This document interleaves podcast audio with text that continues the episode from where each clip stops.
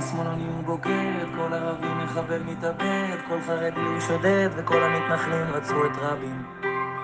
כל תל אביב טבעונית, כל נתיבות מסורתית עממית, כל הדתיים פרימיטיביים עם ציצית, ועל הדרך מחקו את דרווין.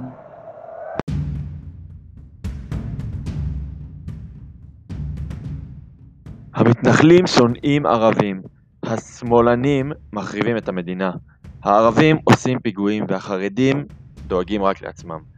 מי מכם לא שמע אמירות כאלה סביבו? בתקופה האחרונה כמעט אין יום ללא כותרות כאלה. בתקשורת, ברשתות החברתיות, ברחוב, ובסוף זה מגיע גם לבני הנוער שלנו.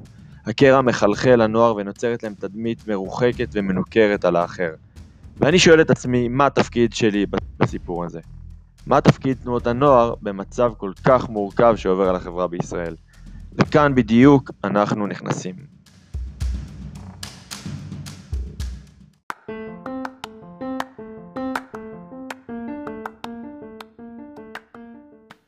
דמיינו לכם שאלפי בני נוער דתיים, חילוניים ומסורתיים נפגשים פנים אל פנים, מדברים, מתווכחים ומסתכלים אחד לשני בעיניים.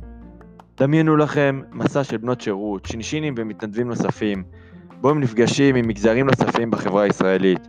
נפגשים עם האנשים, המורכבויות, הפערים והמשותף. דמיינו לכם בית מדרש משותף של צוותים בוגרים, דתיים וחילונים, אשר יוצרים תהליך ארוך ועמוק להקטנת הקרע.